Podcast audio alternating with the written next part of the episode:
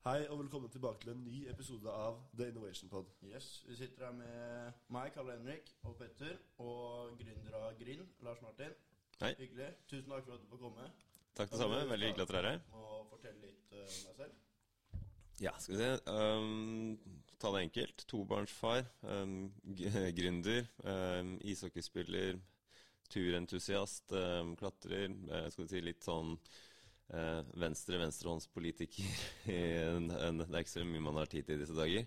Uh, men det er vel de tingene det går i, sånn som nå. Det er for det meste egentlig jobb og barn som, som er det store temaet. Ja, skjønner, skjønner.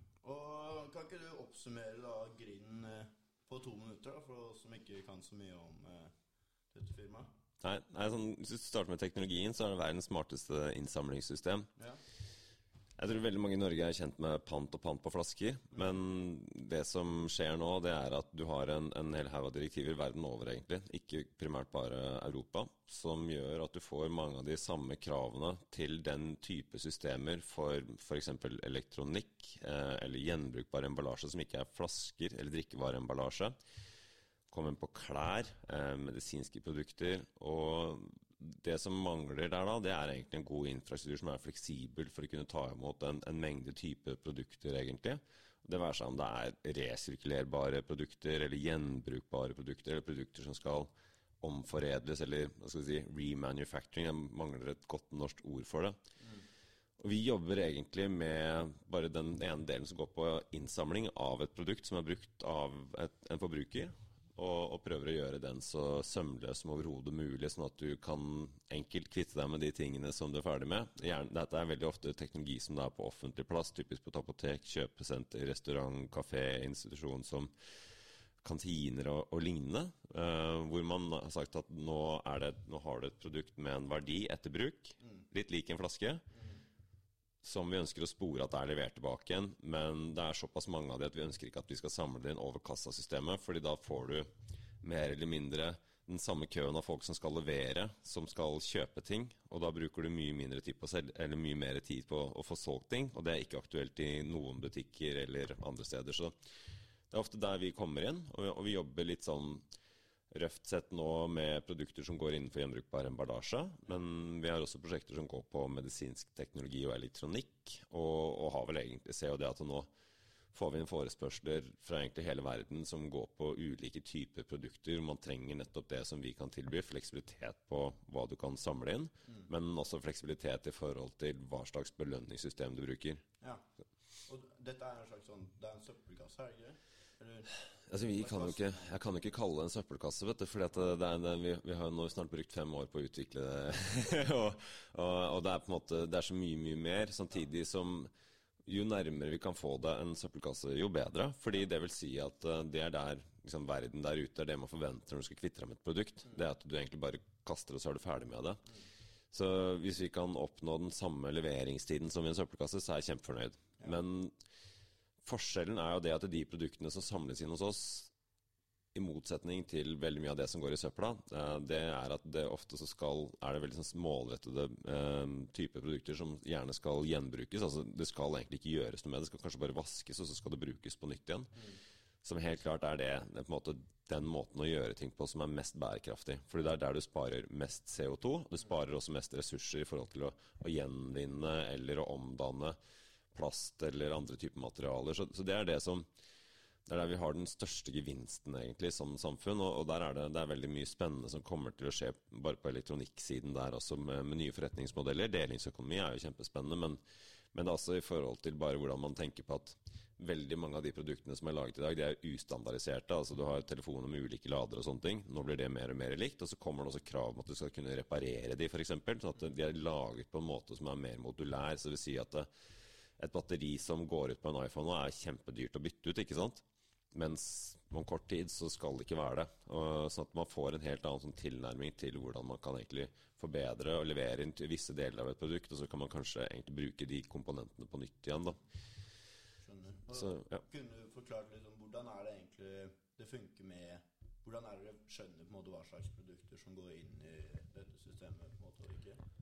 Vi, vi, bruker um, egentlig Det er kanskje der vi, vi, på en måte når det kommer til det tekniske verdiforslaget, som er sånn, for mange teknologer spennende da, fra, fra, vår side. Fordi at vi har jobbet i denne sektoren nå med operasjonelle prosjekter i snart fem år. Og det vi har sett, er at en, det er liksom ikke standardisert i verden hvordan man skal kjenne igjen et produkt.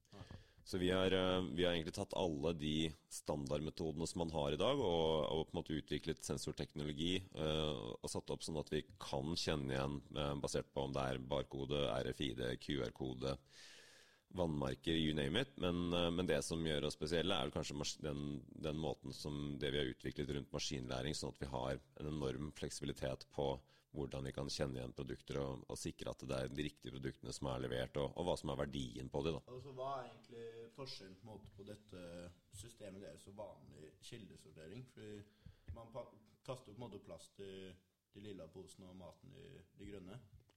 Det er nok mer det at det er veldig sånn retta fordi at det er Sånn som når vi jobber med gjenbrukbar emballasje, så er det jo uh, veldig ofte en app som er kobla til et um, gjenbrukbart plastprodukt som skal vaskes etter bruk fremfor å, å resirkuleres. Da, sånn at det, det, skal egentlig ikke innom Det er liksom ikke et, under kategorien avfall. Uh, og, og, når du ser på kildesortering i dag, så er den jo veldig lite sirkulær, egentlig. Det er veldig mye som går til forbrenning. Hvis du ser på sånn som her i Oslo, så er antall antall, altså mengden plast som samles kontra hva som faktisk re, blir resirkulert plast og brukt etterpå, så er den ganske lav. da. Og Det er jo mye fordi at uh, vi sliter med at det er veldig få som faktisk sorterer ordentlig, så du har liksom ikke rene nok fraksjoner.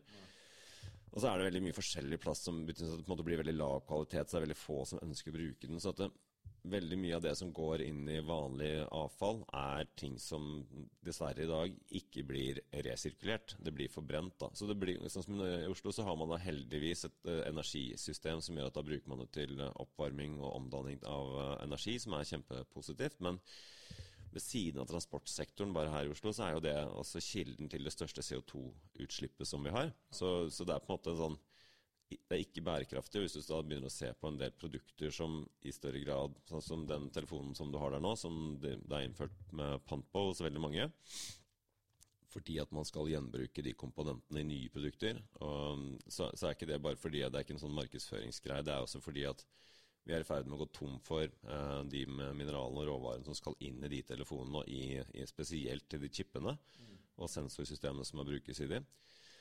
Tidligere så har man anslått at det er sånn 20-30 år til, men fordi at bruken av dette bare eksploderer, så det vil si at uh, flere av de vi samarbeider med, de ser at de går, hvis vi ikke endrer måte, forbrukssystemet vårt da, radikalt, og at det blir totalt sirkulært, så slipper man opp for en del viktige råvarer og mineraler allerede ved utgangen av dette tiåret. Ja. Så at vi begynner å få dårligere tid enn det vi klarer å omstille oss for. Da. Det er, er kanskje det jeg ser sånn som det går nå.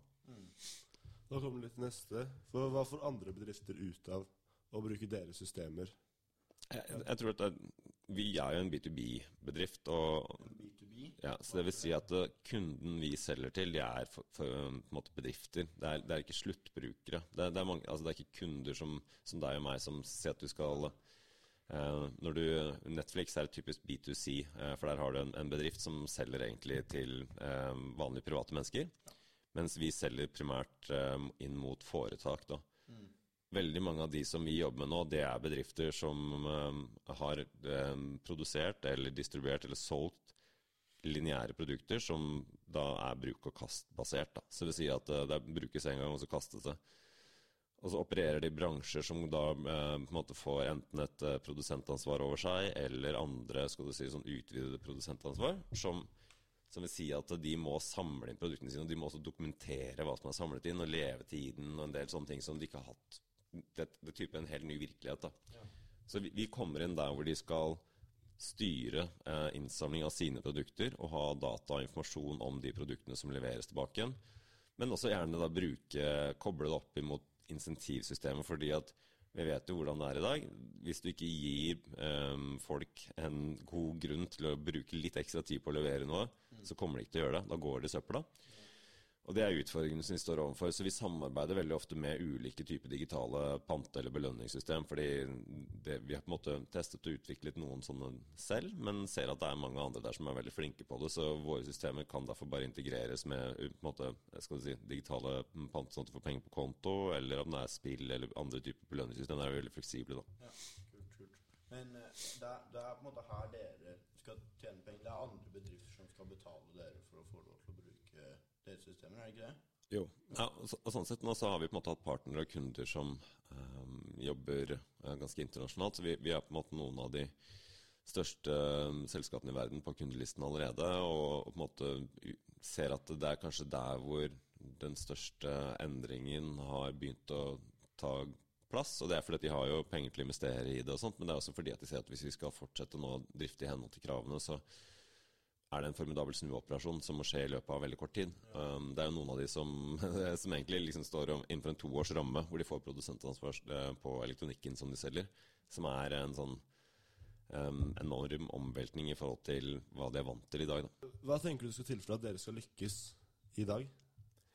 Nei, vi, vi er sånn som, liksom, det, er, det, er, litt sånn hva som skal lykkes nå. Det er alltid relativt i forhold til hvilken fase du er i som oppstartsbedrift. Og, og, vi er jo kommet dit hvor vi på en måte har en, en, en kjerneteknologi, en, en, ramme for det som, som er solgt. Og vi, vi, driver innsalg i flere produkter sånn det, med, mot flere kunder samtidig, og, og har egentlig nå eh, står liksom overfor en sånn oppskalerings, en skaleringsfase. Mm. Så det vil jo si at vi på en måte når en effektiv produksjonslinje. sånn at vi ser at vi kan produsere mange mange enheter til en relativt lav kostnad, og at eh, det fungerer helt fint. Samtidig som vi også må ha et distribusjonssystem for det. Det er de tingene vi jobber med nå. Ehm, så det er på en måte de kortsiktige milepælene for oss. da, At vi skal kunne nå et eh, bra produksjonsvolum, og samtidig som vi også matcher det med et godt kundevolum og, og få omsetning da, som um, som kan drive selskap alene uten at du må på en måte ha softfunding eller investorer. Eh, sånn sett. Og det er, det er, det målet jeg jobber mot nå. Det er på en måte å sikre at vi har en, en bedrift som er drevet på inntekt heller enn andre eh, kapitalkilder. Mm. Hvor er det dere produserer i boksene? Vi produserer alt i Norge, og vi har, vi har, fram til nå så har vi bygd prototyper av alt mer eller mindre selv, med unntak av noen ting som vi får på en måte tredjeparter til. Og så er det jo noen ting som sensorer og, og PCB-er og skal du si, tekniske duppedingser som er ganske sånn hyllevare som vi bruker. Og det, det, er på en måte veldig lurt, hvis ikke så ender man opp med å bruke alt, mye mer tid enn det man faktisk trenger å gjøre. Men um, og vi, vi, kommer nok til å holde veldig mye i Norge, og det, det handler veldig mye om kontroll. Men samtidig så jobber vi jo med, med et produksjonsdesign som gjør at det da kan replikeres og, og produseres andre steder her. Og, og, det går jo på det at du vil ha kort fraktvei når du har laget et system. Og det, det handler litt om at vi lager jo større ting. Det er liksom eh, vi, om, måte, vi, er på en måte omkranset av mindre elektroniske ting, og, og der er ikke frakt så viktig. Men for oss så, så dreier det seg om ting som ja, kanskje veier opp til 50 kilo, er eh, like høye som oss og like, eh, like brede. Og da, da, må du på en måte tenke mer rundt hvordan du distribuerer. Mm. Mm. Og Hvor ser dere for dere at dere er om ti år? Mm. Nei, sånn enkelt og greit så er det for den type bedrift som, som vi er, så må du ha ganske sånn store, hårete mål. Og, og det, det, er nok litt sånn drevet av um, skal du si, filosofien bak en teknologibedrift som, som er i, i, tidlig fase. at Da skal man tenke globalt, og, og, du skal også se for deg på en måte en sånn såkalt sånn Igjen eh, at du har på en måte et stor utslagskraft. da, Så om, om ti år så har vi skal du si, eh, systemer og teknologi som er egentlig like distribuert og vanlig som et kassasystem. da, og Så vil si verden over. da i alle, ved, ved, alle utsalgssteder så har man også, bruker man også vår teknologi. Mm. Og, og da lurte jeg på, Kunne du sagt noe om eh, konkurransen? Altså, hvorfor er det noe konkurranse?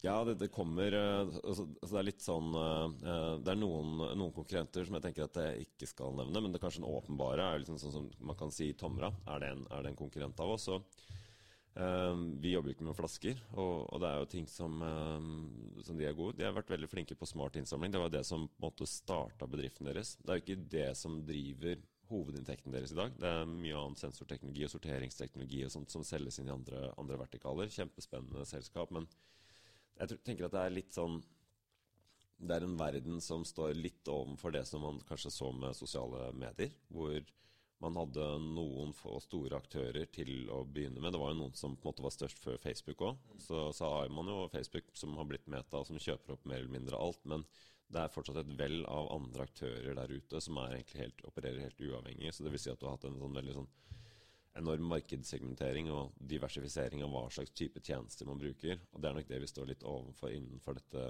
området her også nå. Mm.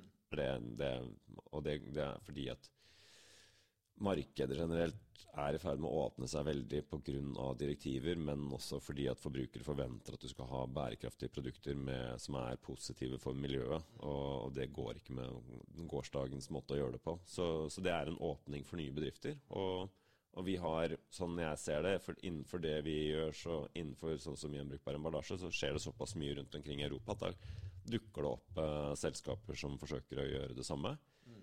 Uh, men de, de, ligger nok kanskje litt bak akkurat nå fordi at de kanskje ikke har um, like mye operasjonell erfaring, ikke på en måte den samme type posisjon med en del av de store selskapene som vi har. og um, det, det, er vel på en måte kanskje ikke den samme teknologien som ligger bak, som gir en, en skal du si, et, en fordel. Da. Det er jo det vi, det vi ser at vi har bygd en, en, en kjerneteknologi som, som, gjør at vi har en helt eh, annen type skalerbarhet på hvordan type produkter man kan drive innsamling av. Ja. Og det, det, er jo noe av det som vi så tidligere, at, at hvis du skal på en måte lage jobb med hardware, så må du på en måte sørge for at du har utgangspunkt, at det kan være så fleksibelt som overhodet mulig. Eh, men også driftssikkert. da. Så, så, det er de tingene som vi kan konkurrere på over tid nå, da.